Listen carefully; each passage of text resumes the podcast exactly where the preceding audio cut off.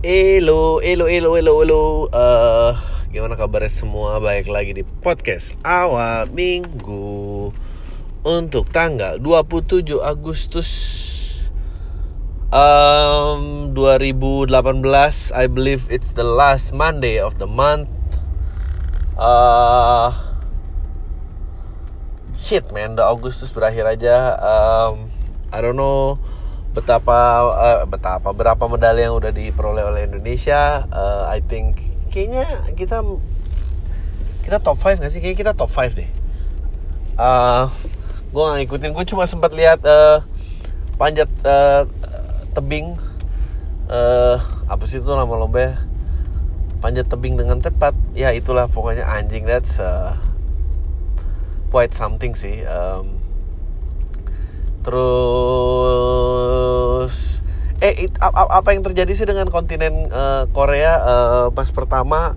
Kalau nggak salah kan baris mereka you know satu pasukan now tiba-tiba pas perolehan medali dipecah lagi. I, I don't get it.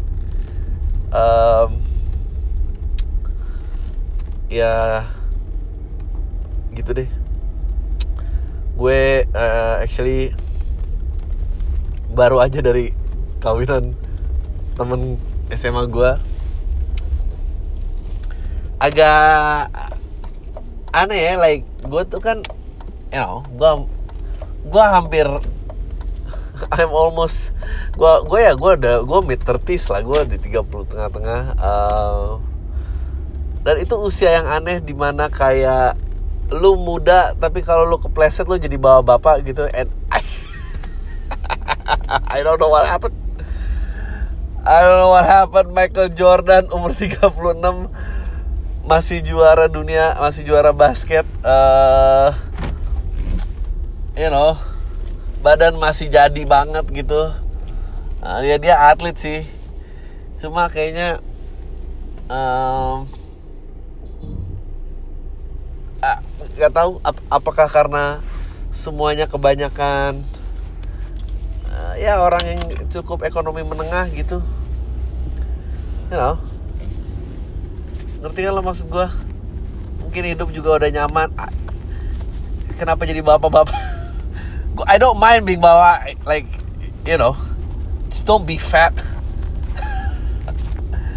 Jangan gendut aja gue bawa bapak nggak apa-apa deh bener. Jangan gendut aja. Dan ini tuh kayak cheese what happened untungnya gue tuh merasa bersyukur.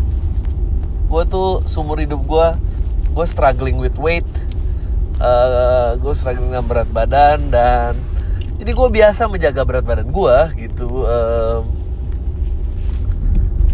uh, jadi gue nggak terlalu ya boyok banget gitu. What the fuck happened?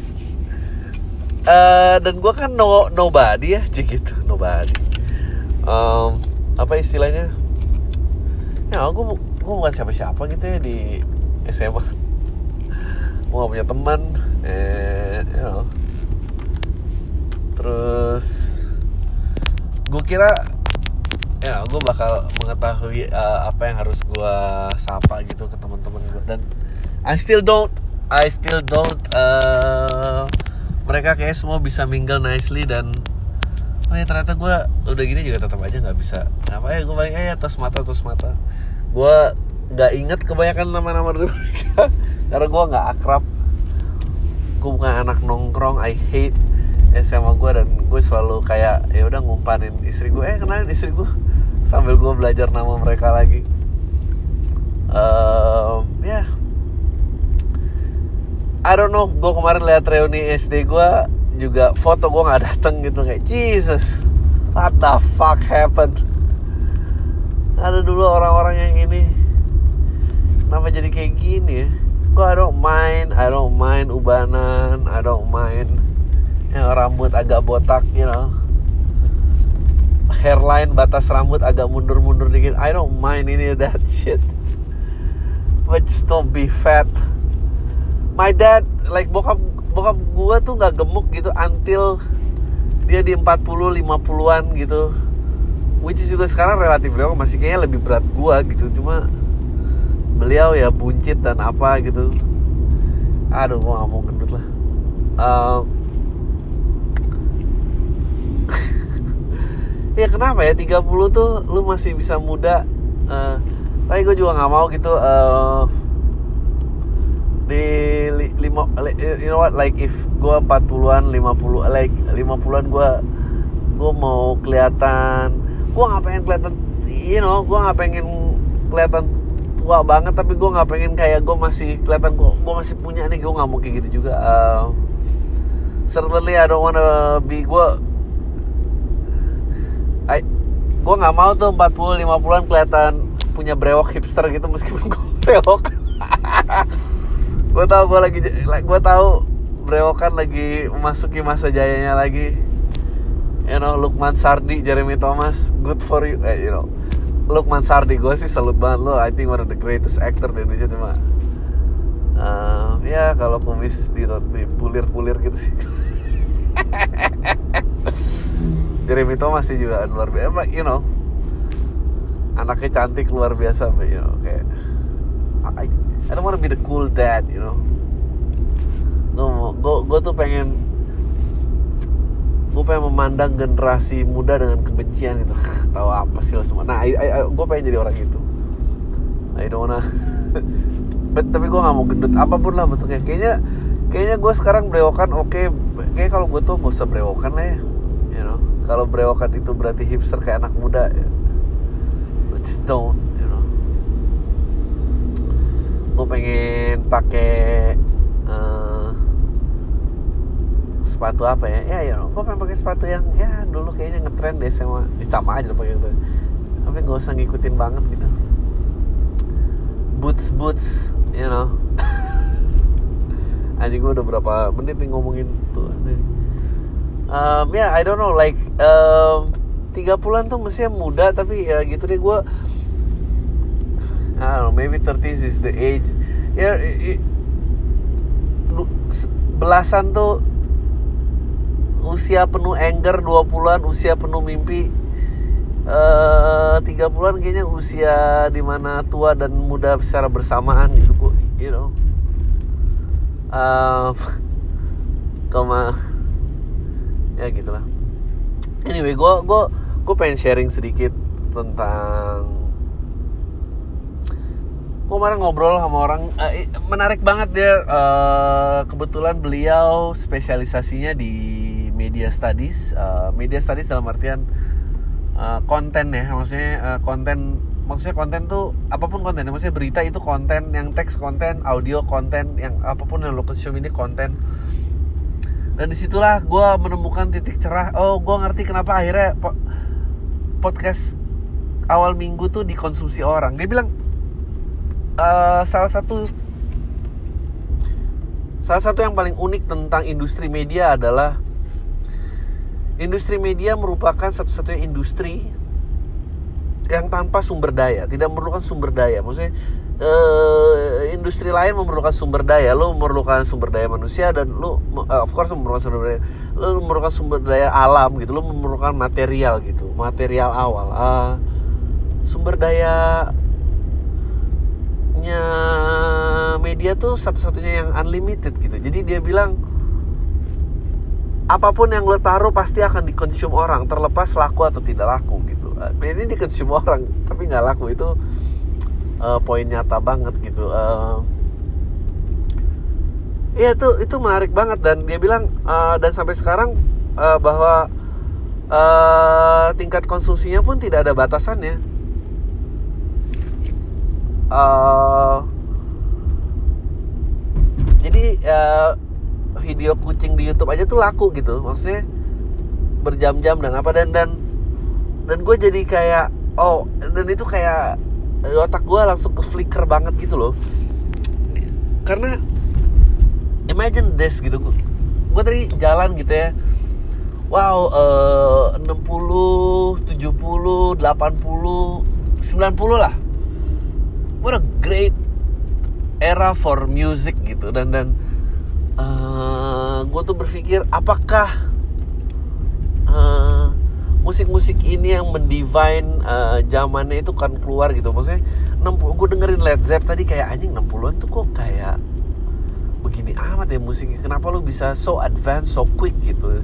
Dan jawabannya ternyata bukan mereka bisa advance so quick karena karena waktu itu captive marketnya kecil jaringan medianya terbatas orang nggak punya opsi lain untuk menjadi unik.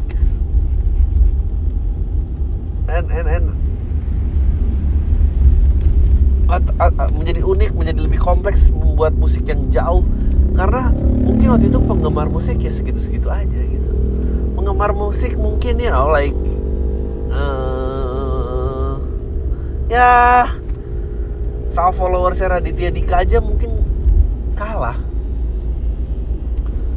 so uh, gue nggak bilang. Uh, eh gue nggak bilang apa, sih. Maksudnya berdasarkan jumlah ya gitu. Maksudnya ya mungkin cuma mungkin ada 50 juta orang kali atau 100 juta kali. Ada nggak sih 100 juta yang pakai follower itu? Eh 50 juta deh. Taruhlah jadi lebih lebih banyak lah daripada Raditya Dika. Terus apa namanya? Um,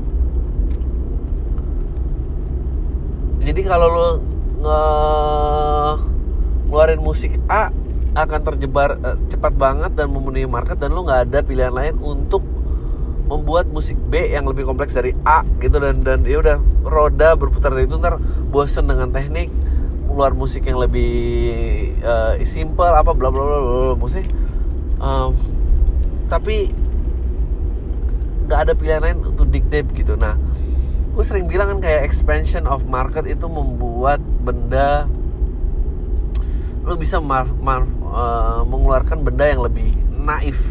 Karena marketnya naif jadi uh, ya possible possible aja gitu. Uh,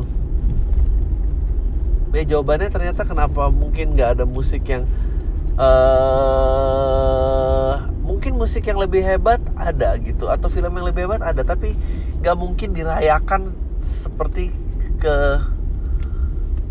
kemenangan bersama pada saat tahun-tahun tersebut gitu.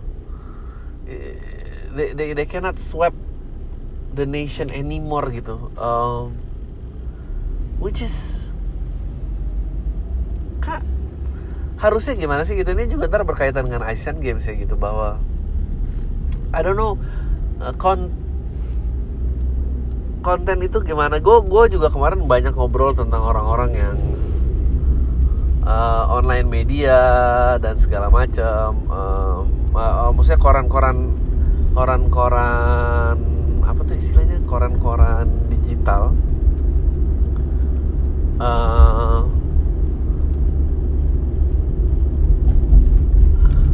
apakah kita akan selama lamanya mau pakai apa namanya uh, clickbait seperti ini gitu? Dan game, gimana move-nya gitu? Um, prediksi gue sih nanti kurasi berita uh, um, akan akan balik lagi. Tapi ya nggak tahu itu kan demi keabsahan medianya. Lu dia understand what I mean? Like kekompleksitasan dan dan dan dan, dan kualitas ya lu bisa sebut kualitas itu adalah produk pada saat marketnya itu uh, penuh gitu. Clutter dan dia uh, bisa naik lagi sebagai konten pilihan yang berbeda. Maksudnya menjadi USP sebuah konten unique selling point gitu. Um, tapi market kan tidak pernah terkoneksi dan terekspan sejauh sekarang gitu. Um, tapi ada orang-orang yang believe gitu. Gue nggak tahu kuratorial tuh akan menjadi sesuatu yang hits lagi apa enggak gitu. Apa memang ya udah market menemukan marketnya aja gitu tidak ada kurasi lagi. Dulu kan ada kurasi dalam pada saat medianya limited kurasi itu menjadi sesuatu yang penting. You know top charts um, apa namanya uh, musik dalam musik dalam film dalam apa. Sekarang tuh top charts gue nggak tahu strengthnya masih kayak gitu. Meskipun ya Podcast Minggu selalu menjuarai top chart di mana pun nah, tapi you know uh, does it even matter? Like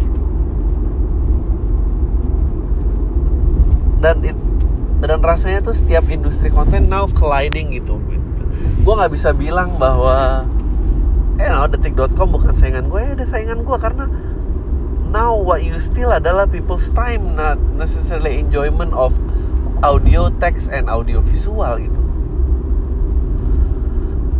Um, gue gue sejujurnya penasaran sih dengan um, uh, Netflix menurut gue gue nggak tahu sih backendnya Netflix tuh kayak apa. Dia pengen kejar semua konten kejar semua konten dan later uh, Disney akan mengeluarkan konten OTT-nya sendiri uh, this is the where the world heading ya gitu HBO akan ngeluarin Amazon Prime Prime Amazon udah ngeluarin dan segala macam. Um, dan sekarang kan ini masih ya I know how Americans do it. Like mereka tahu cara menyebarkan image but apakah image resulted in sales gitu? Uh, we, we we we don't know gitu. Apakah semua penonton Netflix itu penonton uh, not Game of Thrones. Game of Thrones itu HBO uh, House of Cards gitu. The big budget and quality ini gitu. Um, ya yeah Breaking Bad. Breaking Bad itu menurut gue the last great TV series terakhir gitu. Karena memang waktu itu dibuat untuk AMC dan waktu itu diambil sama Netflix mengambil writing itu dan uh, ya, tapi gue gue sih masih ragu ya. Gue akan penasaran sih bagaimana nanti di di Indonesia gitu. Pada saat uh, ya sekarang udah ada beberapa ya. Hook, I Flick, Hook, I Flick, um, what else? View penetrasi mereka akan seperti apa gitu. Dan uh, ini menyambung pembicaraan gue sama Aryo waktu itu. Uh, cerita tentang tentang apa tuh si barang si Dave Dave itu yang Dave Palmer ya kalau nggak salah ya. Um, ya pada saat nanti uh, apa internet speed ADSL kabel Nusantara. Kabel Nusantara apa maksudnya fiber optik Nusantara. I don't know why kita selalu namain Nusantara sih. Um, itu menurut hidup akan berubah. Eh, itu kayak bener I don't know dunia seperti apa lagi yang kita akan uh, masuki. Well ya. Yeah bagaimana nggak tahu gue yang lucu tuh ya kayak sekarang artisan brand makin banyak. But there's no like good food yang oh orang eh kita harus coba nih gini gini gini. Can we still do that? gitu. Kayaknya nggak bisa ya. Kayak orang akan akan hidup di bubble-nya masing-masing. That's that's what's frightening you know like kenapa kenapa dengan kebebasan informasi ini um, uh, politik juga semakin uh, luar biasa gitu. Karena algoritmanya emang kayak gitu sih. Lu coba uh, ketik nama destinasi terus perhatiin iklan Facebook lo. Um, iklan ya pokoknya semua langsung lu disangka mau liburan gitu kan. So and how do you get out from that bubble gitu. Dan itulah kenapa kolam tai itu. Nah podcast ini apa? Ini ini juga gue ngeri. You know I'm sending you guys in a bubble. Cie. gue so arif banget ya. Padahal gue pengen banget. Karena lo masih memuja gue sebagai stand up comedian gitu. Um, ya gitulah kira-kira gue it, it's mind blowing gue dengan statement uh, statement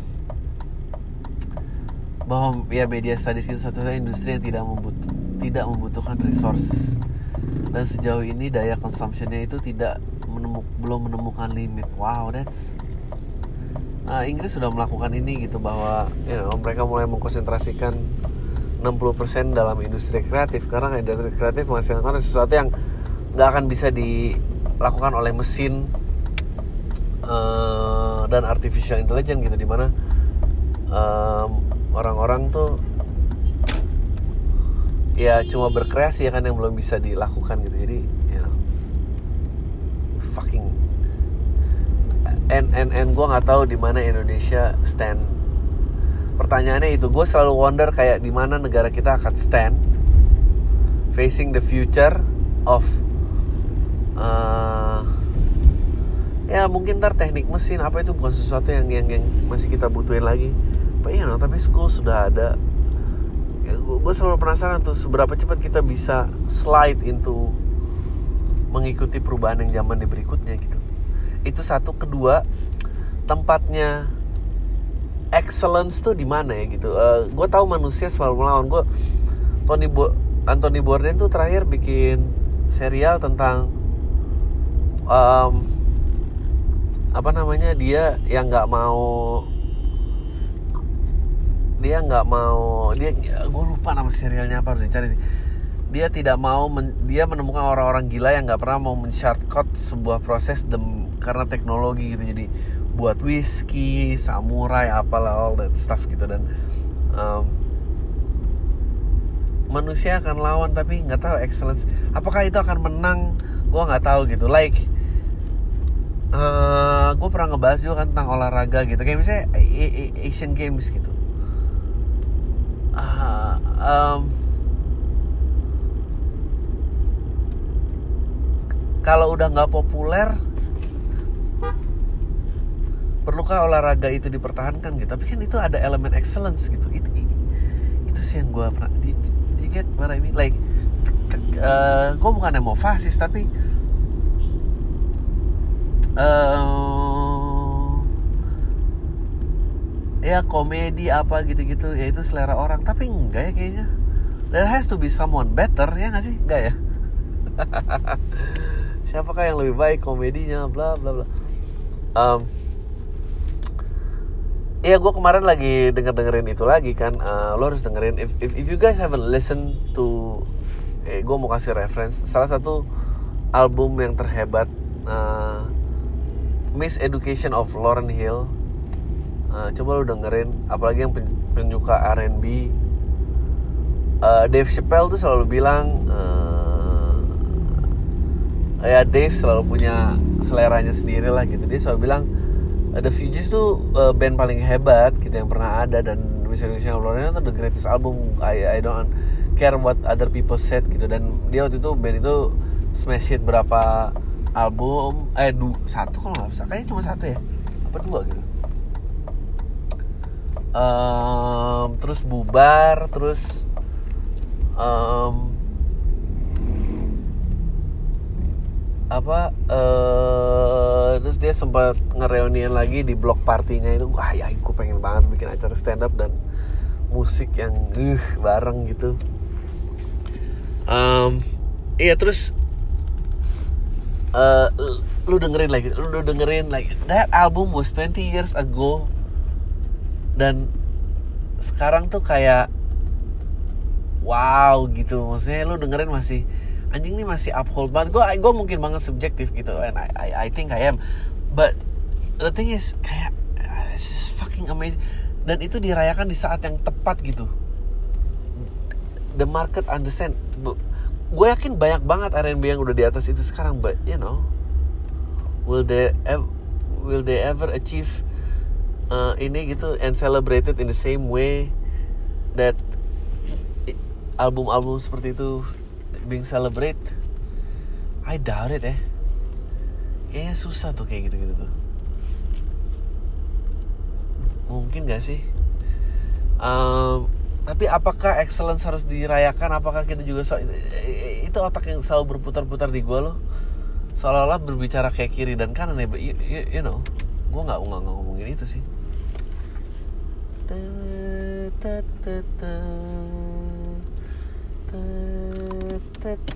Coba deh lu dengerin lagi fucking great album man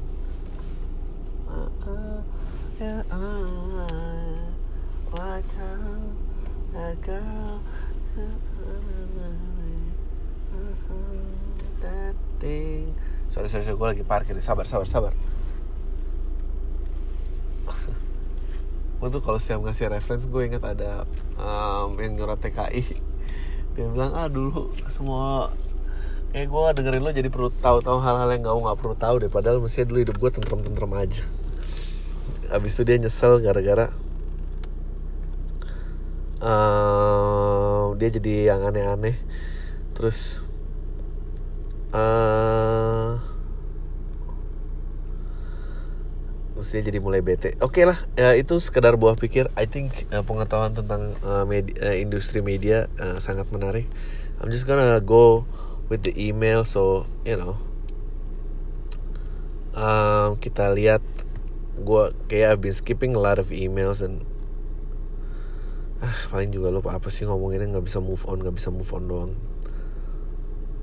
um,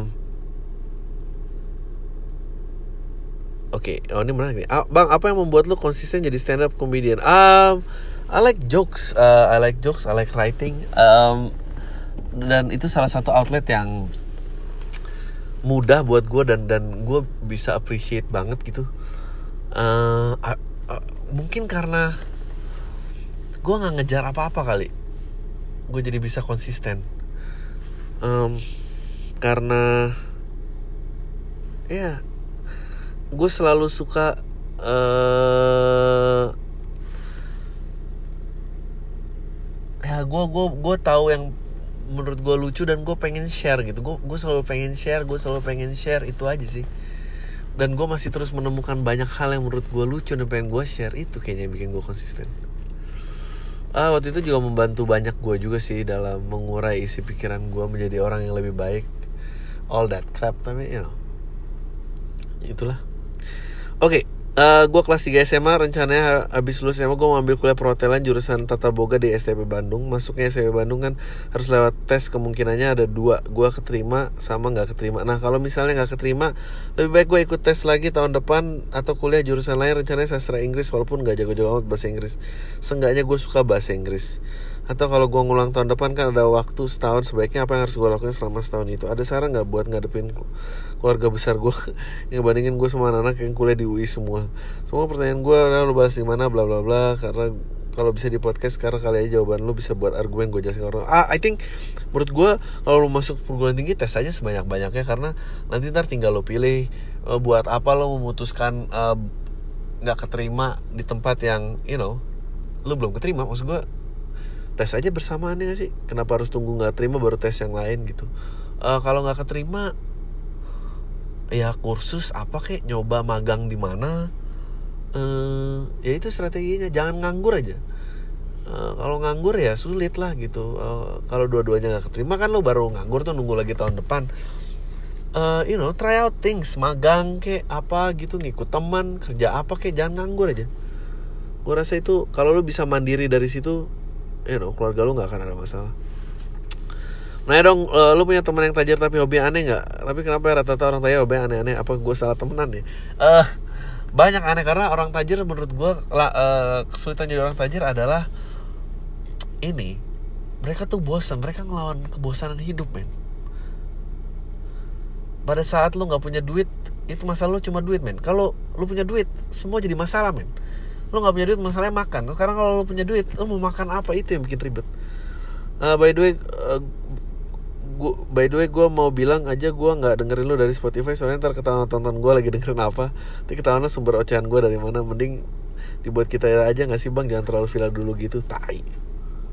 Emang ini tentang lo apa? Tentang gue anjing. Abang sukses terus lo dan keluarga gue pengen nanya beberapa pertanyaan random yang gak tau kenapa gue kepikiran pas berak gue nangis pas nonton Million Dollar Baby. Parah itu film unexpected banget. Pernah nonton film itu nggak bang? Pernah. Nangis banget nggak? Uh, eh, gue tahu sedihnya kecewa dan uh, itu salah satu film yang menurut gue sedih banget. Uh, pernah film gue yang bikin gue nangis? Film apa ya? Film uh, Pursuit of Happiness gue nangis. Uh, ada kok baru-baru lagi? Anjing gue nggak nggak inget sih. Pursuit of Happiness gue nangis uh, I am Sam gue nangis. I am Sam gue nangis. Gue orang yang menolak konsep LGBT menurut lu menurut gue mereka sakit tapi gue punya beberapa teman LGBT tapi gue nggak masalah dengan mereka LGBT apakah itu membuat gue jadi homofobik? Oh enggak sih.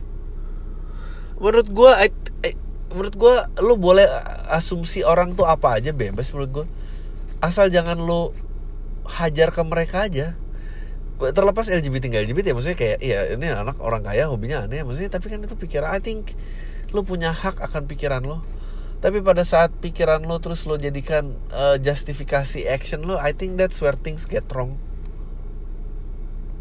Ya gue sih menyerayakan kebebasan berpikir ya. Tapi kalau berdasarkan asumsi terus lo oh ya singkirin aja atau bakar rumahnya nah, itu, itu menurut gue LGBT nggak LGBT ya menurut gue lo uh, salah sih gitu uh, bagaimana komen lo tentang kominfo yang memperlakukan safe search? Ya wajar lah. Itu kayak bawa bapak nggak ngerti internet gitu gimana sih? Biar heboh aja diomongin. I think banyak banget langkah-langkah pemerintahan yang diambil karena biar heboh aja diomongin. Apakah mereka benar melakukan itu? Kayaknya enggak tapi you know kangen pengen diomongin gitu. Kayak gimana sih? Karena berprestasi kan susah ya. jadi ya bikin sesuatu yang diomongin orang aja kalau Indonesia masuk Piala Dunia dan Indonesia Raya diputar reaksi lo bakal gimana? Kira-kira bakal nonton langsung nggak? Uh, gue pengen bisa nonton langsung. I like animo of uh, manusia berkumpul kayak uh, kayak misalnya konser kalau misalnya ada di luar negeri apa di dalam negeri misalnya uh, artis yang sama gue suka di di dalam negeri karena WhatsApp Indonesia atau gue suka itu Lo setuju gak Mbak LDR itu setengah jomblo soalnya orangnya ada ya setuju lah. Gue baru nonton film Fargo, gue suka banget sama Lon Marvo karena omongan-omongannya bener karena kenapa ya orang psikopat suka ngomong bener? Apa karena orang normal terlalu denial? Uh, ya mungkin orang psikopat soalnya empatinya nggak ada. Terakhir gue denger lo bilang Breaking Bad tuh karya TV terakhir benar-benar masterpiece Karakter kesukaan lo siapa bang? Kenapa lo suka dia? Nonton Better Call Saul nggak? Nonton Eh, gue gue hampir suka semua karakter di Breaking Bad even yang gue benci kayak istrinya aja tuh gue suka kayak ada iparnya gitu gue suka banget. Better Call Saul uh, menjadi pre pre sequel uh, Breaking Bad. Uh, menurut gue belum banyak film yang sukses uh, ngambil universe universe tapi menurut gue Better Call Saul sih keren Bang, gue baru aja dengerin podcast sama ibu-ibu Yakult dan dengerin sampai habis sampai lo nyebutin relationshipnya Vincent Amel pakai term platonik. Nah, hasil gue langsung cari tahu hasilnya dan dem ternyata itu sama banget deskripsinya dengan hubungan gue dan salah satu temen gue. Gue selama ini bingung kalau teman-teman gue yang lain nanyain dia itu siapa karena asli kita tuh deket banget, udah sering banget chat dan teleponan tengah malam sampai pagi tapi memang cuma teman doang sayang alias nggak pernah ada interaksi fisik sayang sayangan atau ngomong-ngomongan kangen dan sebagainya tapi gue udah nyaman banget sama dia bang dan dia kalau udah gitu nggak mungkin gak nyaman dong ke gue. Kita dulu cerita gebetan dan mantan masing-masing. Menurut gue kayak seolah nyiptain boundaries masing-masing buat kita. Cie. Cie sekarang kita lagi sama nggak ada interest ke orang lain tapi gue nggak berani narik kesimpulan. Sekarang apakah gue beneran cinta sama dia apa enggak gue sering aja ngebayangin kalau dia nanti bakal nikah sama gue. Anjing. Menurut gue dia udah pas banget lah. Nanti jadi pasangan gue semua yang gue mau tuh ada di dia dan gue udah kenal banget. By the way kita masih muda banget bang. Kalau kata gue usia nikah juga masih butuh 5 sampai 8 tahun lagi. Gimana menurut lo bang? Cium aja dulu lah menurut gue ya gak sih rasanya oh kalau dicium oh gak berasa temen nih baru. Kalau oh iya rasanya temennya kayaknya emang ya udah jadi temenan aja. Eh uh, iya tes aja Iya iya nanya platonik apa yang menggerak nunjukin kayak gue romantic attraction ke dia Tapi gue takut hancur semua Ya lo harus ambil lah Hidup ini tentang mengambil resiko men Gue mau kehilangan dia gara-gara itu Ya bilang aja Gue pengen tes tapi gue gak mau kehilangan lo mau gak? Uh, bisa dibilang dia itu orang terdekat gue sampai buat cerita dan ngobrol-ngobrol seru tiap hari. Oh ya by the way dia kolam tai juga bang pasti denger ini. Cie makasih udah dibacain ya. Nah gue nggak tahu sih siapa. Um, gue denger podcast lo bahas Mayweather McGregor seru banget. Uh, cara coba bahas secara khusus deh bang. By the way gue mau nanya Nasim Hamid kenapa nggak jadi terkenal dari Muhammad Ali ya? Kalau 9 nggak kejadian dia bakal lebih lama nggak karir tinju. Gue nggak tahu hubungan Nasim Hamid sama 9-11 apa. Uh, menurut gue uh, ya dia mirip. Gue nggak tahu ya isi a fighter? Menurut gue Nasim Hamid tuh mirip dengan si UFC perempuan itu. Siapa namanya eh tapi enggak Nasim Hamid karirnya cukup panjang sih. Uh, dia berapa kali kalah di akhir-akhir karirnya dan udah nggak bisa balik lagi. Uh, gue suka orang yang berkarir panjang sih jatuh dan bisa bangun lagi jatuh dan bisa bangun lagi. Dia kayaknya I don't think he end up as a winner tuh. Gue lupa lagi ada cek I gotta check uh, his record. Tapi nggak ada hubungannya dengan Eleven sama dia dan nggak mungkin terkenal ya karena tadi lah. Ya udah industri banget dan dia nggak dan dia nggak mewakilkan apa pun selain tinju Jangan sebut nama, gue cowok 20 tahun lagi PDKT sama cewek satu kampus menurut Bang Adri. Berapa waktu yang pas buat PDKT sampai akhirnya jenjang ke pacaran? Soalnya baru PDKT udah manggil sayang-sayangan gini bang. Ya udahlah sikat aja. Satu lagi tips biar disukai nama ortu gebetan gimana ya bang? Itu aja pertanyaannya. Oh, tante maaf kalau mau ambil wudhu di mana? Itu tipsnya. Uh, Ya atau yang agama yang lain Tante. Anaknya saya boleh jemput anaknya nggak tante buat gereja or whatever apalah. Pasti disukain. Gue cewek umur 24 dan gue gak tau kenapa gue seneng banget sama podcast lo dan lo ngomongnya bisa pandang gue jadi bahasa gue mau curhat aja bang. Gue keturunan Jawa India oke. Okay.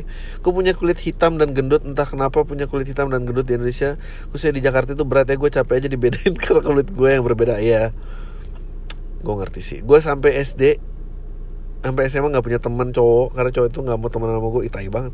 Gue cuma jadi bahan bulian mereka doang karena sampai seringnya gue dibully waktu suka sampai sekarang gue nggak nyaman saat disuruh presentasi di depan orang. Dan uh, kalau ketemu orang tuh gue pasti minder bang. Dulu gue punya imaj teman punya imajinasi sendiri tentang seorang Nadira yang berkulit putih dan kurus sampai gue ngomong-ngomong sendiri gitu di kamar. Hah? Entah gue oke okay, lu bukan bipolar. Mungkin lu skizofrenik. Gue bingung entah harus gimana nunjuk percaya diri gue ini bang. Uh, menurut gue uh, menumbuhkan percaya diri itu uh, mendingan uh, be something that you really good at you know. Dan teman akan datang dengan sendirinya. Uh, modal asik juga ngapain kalau nggak bisa apa-apa? Terus buat apa ditemenin? Karena asik menurut gue sih aneh. Mendingan nggak usah. You know be something that you get good at. Uh, kejar terus uh, teman akan ada you know. Kecuali lo nyebelin ya. And be kind to people. Aduh oke okay, gue mau nanya dikit dan mungkin akan mengusik privasi lo. Gue lihat ada kakak tingkat gue yang kerja di sekretariat negara. Dan gue baru sadar ibu kali juga di sana. Gue pengen nanya Drik cara biar bisa kerja di setnek tuh gimana? Ada aplik nggak tahu by network dan ngelamar. Relasi relasi relasi dan rekomendasi di dunia kerja kalau di level itu mah penting lah. Uh, dia ngurusin apa? Ah, nggak uh, usah gue jawab lah. Uh, iya. Lowongan sih harus aktif cari lowongan dan punya relasi itu penting. Uh, bukan relasi rekomendasi lah paling enggak bahas serial Ozrak dong. Oke itu aja. Gue belum nonton Oke ntar gue coba cek Ozrak Ozrak gue tahu filmnya itu tuh dulu. Siapa namanya? Itu Azrak deng. Lo harus cek si filmnya Azrak Yang siapa tuh dulu? Yang itu Hama Reza tuh siapa namanya? Lupa gue Gue baru tahu ternyata Rich Brian atau Rich Chiga musisi keren banget di manajemen 88 Rising namanya Nicky lagu terbaiknya I Like You sama Dancing with Devil menurut gue coba dengerin bang komentar lu dia bakal gede gitu nggak karirnya bakal segede Rich Brian apa nggak menurut gue keren banget sih Brian bisa ngelebihin Rich Brian jauh di podcast ya I, I, I don't gue harus coba lihat cari Ah, gue rasa sih susah segede Rich Brian. Dia lahir di zaman yang tepat, men. Gak tahu yang lain bisa setepat itu apa enggak. Gue nonton video YouTube tentang bisa apa enggak video game menjadi pengalaman spiritual dan gue baca salah satu komennya begini. When when I was for my dad, oke, okay, gue tahu ini ceritanya uh, uh, gue nggak mau baca ceritanya ada orang uh, main sama bokapnya di Xbox terus uh, meninggal uh, bokapnya meninggal terus dia udah lama kangen bokapnya dia main lagi terus tiba-tiba uh, dia komputernya itu make bokapnya gitu. Dan akhirnya dia ngerasa kayak main sama bokapnya lagi dan pada saat dia udah berhasil ngalahin record bokapnya dia di ngerem di sebelum finish dan bokapnya dibiarin lewat biar nggak ketindih play safe nya Habis itu gue jadi keinget sama teman kecil gue yang namanya uh, ini kita tetanggaan dia sering main PS2 rumah gue kita semua main main PES dan bikin tim sendiri di Master League. Tahun 2012 dia meninggal karena leukemia. Oh I'm sorry. Tahun 2014an masuk kuliah dan gue iseng main PS dan ternyata di memory card gue masih ke save Master League dia. Tapi gue mainin gue berasa main sama dia. Pertanyaan lu punya nggak pengalaman aneh kayak gitu bang? Nggak punya sorry kalau berak lu kalau berak di wc pom bensin ada tai yang nggak disiram. Sebelumnya lu bakal tetap berak apa tahan ya sampai rumah? Tai. Uh, yang jelas sih gue siramin sih. Uh, dilakuin uh, boker apa nggak bokernya tergantung sih sekebelat apa. Tai ya. Sukses terus lo dari ibu kalbi. Bla bla bla bla Bang Potus sama Ibu Yakult tuh keren kalau dibuat percakapan ilustrasi gaya film Amerika tuh kayak pitch perfect joke seger. Jomblo sedang tali pusar dipotong. Bagus sih. Joke itu bagus banget. Uh, ini email gue pertama dari gue beneran uh, Tony Kum nggak pakai bayar anjing nama lu gue nggak tahu kenapa nama gue nama Oke, okay. ini harus gue bacain. Biasanya gue ngerasain uh, nama pengirim, tapi karena namanya buat jadi joke. Oke, okay, ini email pertama gue. Nama gue beneran Tony Kum, tapi nggak pakai bayar. Nggak tahu kenapa orang tua gue namanya pakai nama obat. Umur gue 28 tahun dan udah punya dua anak 9 tahun dan 6 tahun. Gue nikah muda gara-gara sebuah insiden. Oh ya, obat lo nggak working. Agak ironis ya untuk yang punya nama obat tapi nggak tahu gerakan preventif. Oh, oke. Okay. yang penting udah laku lah. Men lu pasti masa kecilnya susah banget men. Gak dibully nggak apa Bini lu? Takut nggak uh, memperkenalkan lu ke orang-orang lain? Anyway uh, gue nikah muda karena gue waktu itu harus ke karena nikah muda gue harus kerja sambil kuliah alhasil keinginan orang masa muda sirna. Sekarang gue cukup pede dengan kemampuan finansial. Kebutuhan anak dan istri sudah terpenuhi. Kini pas muda ini akhirnya bisa gue lampiaskan. Gue jadi beli hedon dan beli komik mainan sepatu game konsol sampai buat komputer. Sayangnya istri gue nggak suka hal itu. Padahal kemarin gue kalau boros-boros gini padahal gue selalu beliin apa aja yang pengen. Uh, tainya ortu dan mertua gue sejual sama istri gue sebenarnya gue salah nggak sendiri nggak lo nggak salah. Gue cuma pengen seneng-seneng aja selama udah bekerja keras selama ini. Kesannya jadi bapak itu harus live a boring life. Nggak gue setuju by the way gue masih ngundang nunggu lu ngundang Jaka Adi dan Sani Budi. Waktu itu lu pengen bikin uh, ya mereka sibuk banget ya. Putus kemarin pengen ngundang mereka lupa gue kayaknya seru bakal hal-hal giki dan kalau lu undang Jaka obrolin pro wrestling juga dong Tri. Udah gitu ya thanks. Nggak lu nggak salah man. lu berhak man itu keringet lo. Jangan mau Oke, okay. Bang, menurut lo apa yang ada di pikiran pada tim kreatif Asia Games pada saat ngeluarin ide Jokowi naik moge? Ya, biar diobrolin orang aja. Ratu Inggris lompat dari helikopter, men. James Bond. Uh, mau nanya, lo skenario apa yang bakal terjadi di Indonesia misalnya Indonesia nggak pernah dijajah Belanda dan Portugis cuma datang murni mau berdagang doang. Eh, belum tentu lebih baik, men. Lo nggak pernah lihat Thailand, men. Jalannya keriting, men Jepang buat datang sehat aja atau dengan negara tersebut nggak akan sama sekali. Ya mungkin aja kita nggak bersatu. Uh, Republik Indonesia bukan yang sekarang. Uh, uh, gue nggak tahu ya apakah akan ada kedaulatan maksudnya kesatuan antara Republik Indonesia yang sekarang gue rasa enggak uh, berdasarkan wilayah kerajaan aja tuh dulu bisa dibahas. Nih By the way adegan lo berubah NFAB dan jatuh terus demi dapet shot gigi lo copot tuh lucu banget bang santai. Oke, okay, gue belum lihat. Lucu men. Itu susah banget nih Bang gue takut sama suasana politik tahun depan. Panasnya gue rasa bikin perang saudara. Gue sakit kepala ngeliat pendukung oposisi yang permasalahan Jokowi pakai stuntman pas Ya I don't get it. Si ini ini ini, ini. Se, apa se, jadi media selalu ada yang konsumsi ya impactnya ini. Ini impactnya. Masa lu sebego itu? Ya mau apa pun juga pasti ada yang konsumsi gue gak nyangka mereka story itu mempermasalahkan hal begituan yang bikin sakit kepala. Ini beritanya masif banget dan setiap kali di sosmed muncul perdebatan tolol. Tolongin gue bang kasih saran biar gue nggak gila ngadapin pesta politik tahun depan. Nah minta tanggapan lo tentang uh, tahun depan juga dong. I I think you just have to stop caring. I gue I stop caring. I don't care. You know uh, maksud gue aneh menurut gue sama orang-orang yang kecewa sama politik gitu. Sama hidup lu lu nggak pernah kecewa sama politik. Kok kecewa tuh? Gue gak ngerti. Mana yang lebih penting hidup atau politik? I, just fucking stupid menurut gue By the way opening Asian Games keren banget. Gak nyangka banget Indonesia bisa ngebuat acara seremoni sekeren itu. Makasih bang. Oke. Okay.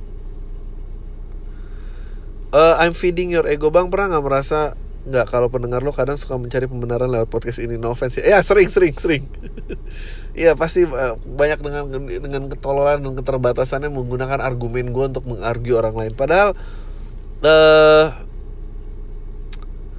eh apa? Padahal it's all a joke If I have to admit my favorite episode is every time you say sorry ya guys hari ini gue malas banget dan sebenarnya buat rekaman ya ada ya ada that episode turned out to be so dark and bitter and it's nice to know you're suffering tai. Here's my question. Lately I face my quarter life crisis. I'm in the deep shit. Depresi dihantui pemikiran yang toxic. Uh, then I'm trying to get out of it by talk to my friends and work out. And I think I'm okay ya bagus lah so bagi tips and trick dong biar lo nggak balik lagi ke depresi. Apa sih warn warning alarm lo kalau depresi itu balik lagi. Ah males bangun. Uh, dari melek beraktivitas punya jeda waktu yang lama uh, lo males sharing lo males kontak it, it, that's an early sign menurut gue uh, sumbu emosi kalau lo emang orang emosian uh, meledak-ledak um, Bayangin kalau punya pemikiran kenal haunted and I don't wanna go back to that. Have a nice time doing this podcast karena tiap record walaupun lagi mood I appreciate it. Ya ya ya, go out and work out itu menurut gue solusi yang sangat bagus. Kalau lo bisa mempelajari meditasi pun lebih hebat lagi.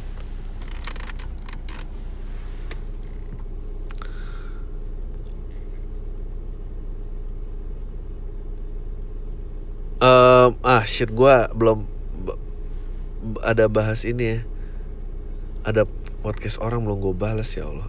Pertanyaan draft.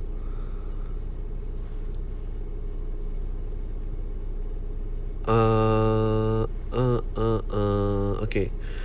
singkat aja bang. Mau nanya deh bang. Uh, selama menjalani karir abang ini abang pernah stres gak sih? Kalau stres abang meditasi itu beneran ngaruh banget. Iya kalau gue sih. Tapi ngaruhnya tuh kayak setelah dua bulan apa empat bulan gitu meditasi baru ini sih. Uh, workout sih paling mau cepet mah dan ngobrol sama atau sih ngobrol sih gue nggak berhak nggak nggak selalu ini sih. Tapi ya uh, workout sih atau meditasi. Stres mah sering bro. Tolong bacain ini di podcast dengan Arif dan bijaksana. Dear kolam tai kalau lu semua mau kirim email tolong yang seru ya jangan cerita perselingkuhan gak jadi ngewe atau perjuangan hidup lo atau apa pun yang bikin lo bikin bang Adri minimal ketawa atau bilang goblok lo karena cuma bingung kalau mau kenal sama cewek doang nggak tahu cara nembak cewek jangan deh bosen. Terlalu banyak soalnya setiap setiap minggu ada aja orang bang gue bingung deketin dia bang gue lama kenal tapi takut bilang sayang. Ah lu semua. Bingung ngajak pacaran anak orang cerita di pamu begitu udah ngewe nggak cerita lagi.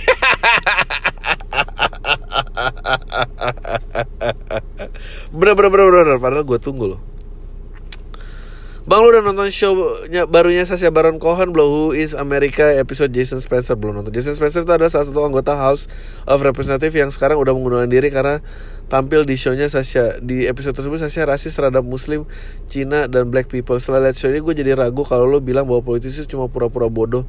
Di show ini tunjukkan bahwa emang ada politisi yang gobloknya gak ketulangan. Oh ya pasti ada lah.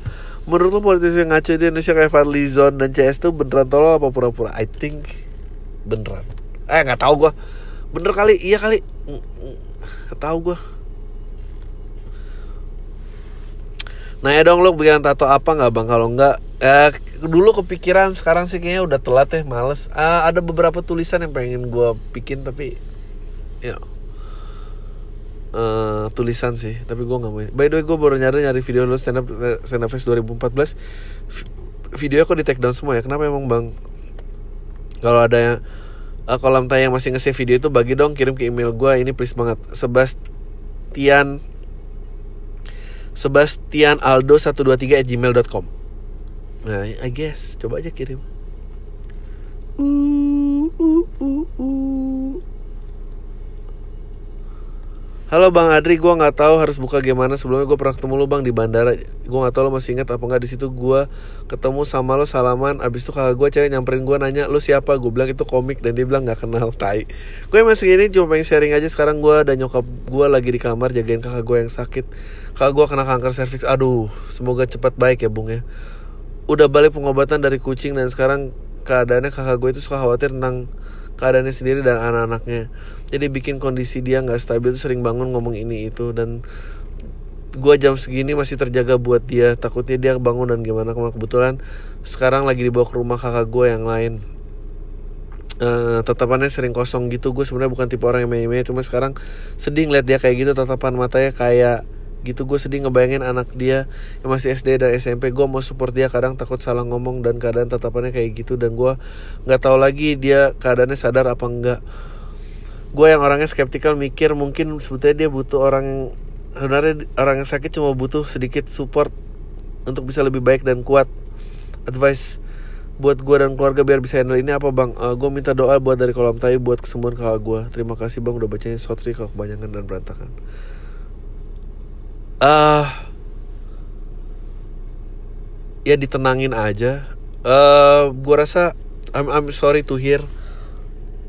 Tapi gue juga believe nggak ada yang selama lamanya so apa pun cobaan ini ya pasti berlalu. Gue gue tahu gue ini klise tapi you know that's all I can give. Uh, uh, dan nikmatin setiap pain yang lo dapetin sekarang karena ya it, it, it, itu yang akan menjadi kenangan buat kakak lo meskipun itu berat gitu. Tapi ya you know you look back. Semoga dia bahkan baik-baik aja dan lo akan lewatin ini. Bang bikin pertandingan PDKT atau kisah percintaan zaman dulu dan sekarang dong. Kayak misalnya dulu tuh orang mulai PDKT ngasih-ngasih mixtape. Sekarang orang PDKT sharing like-like foto Instagram Sampai yang paling bawah biar dapat notis anjing lah.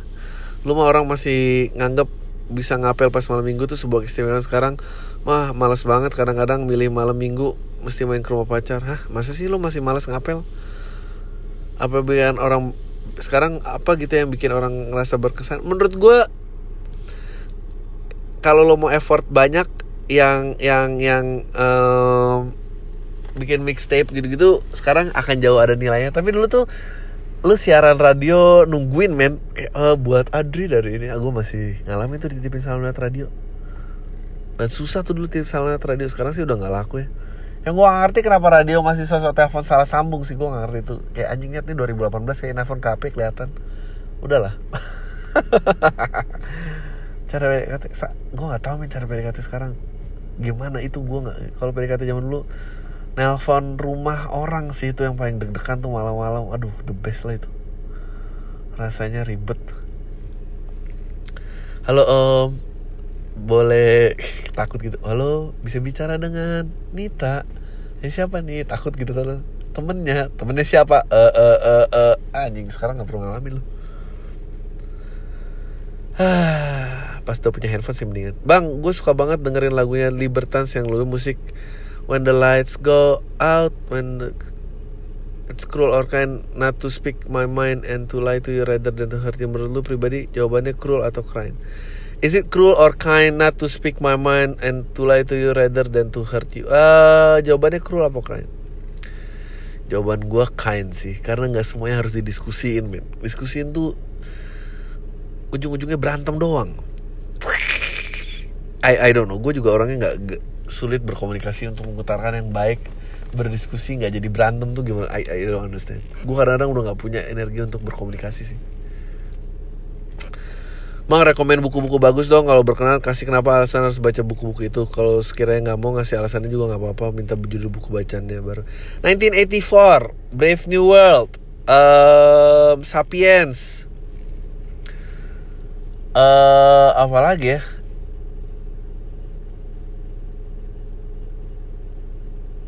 Uh, Brave New World Sapiens. I don't know ya tapi itu tiga buku itu dulu lah. Ada Huxley itu satu lagi po ini. Uh, gua eh 1984 George Orwell. Kalau baca buku motivasi paling bagus menurut gua Paul Arden. It's not how good you are how good you want it to be. So whatever you think think the opposite.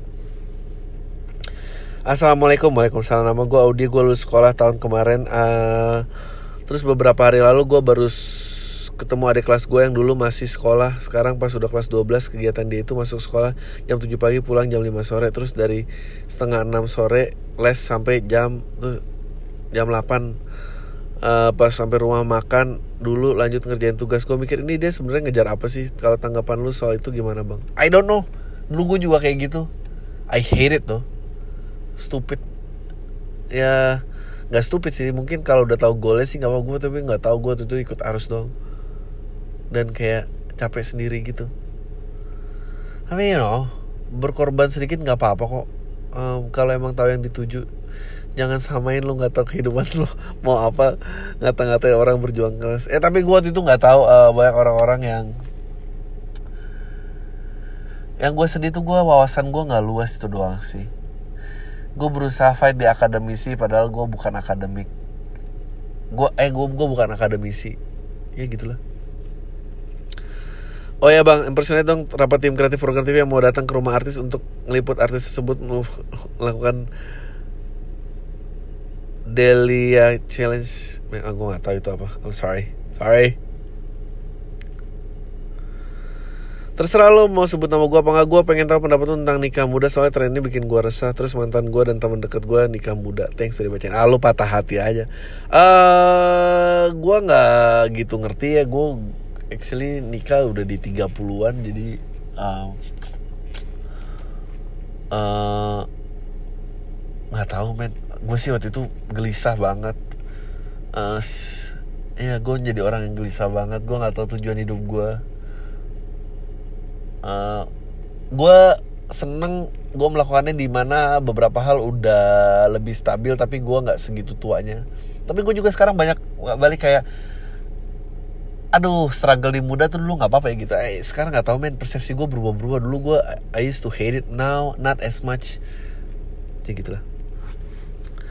Gak usah disebut nama gue dua tahun lalu uh, ikut uh, simak UI ujian masuk UI uh, eh, gue ketemu cewek yang cukup menarik buat gue jadi posisi tempat gue di pojok kiri dia di pojok kanan uh, gue kalau ujian tuh nggak bisa terlalu fokus sama kertas ujian. Ada ada aja yang gue liatin terus duduknya pasti agak serong ngadep si cewek ini dan kelakuan dia mirip kayak gue dia juga kadang-kadang ngeliatin gue cie Terus udah dari situ gue berusaha untuk fokus dan dari situ gue penasaran dan coba untuk berniatan kenal sama dia. Tapi sayangnya dia udah ngumpulin duluan dan gue saat itu undecided banget antara ngumpulin cepet-cepet supaya bisa kenalan atau tetap fokus biar tak ada pulang lulus. Dan gue milih untuk tetap ngerjain ha dan selesainya gue minta sama pengawas nama-nama peserta dari urutan duduk.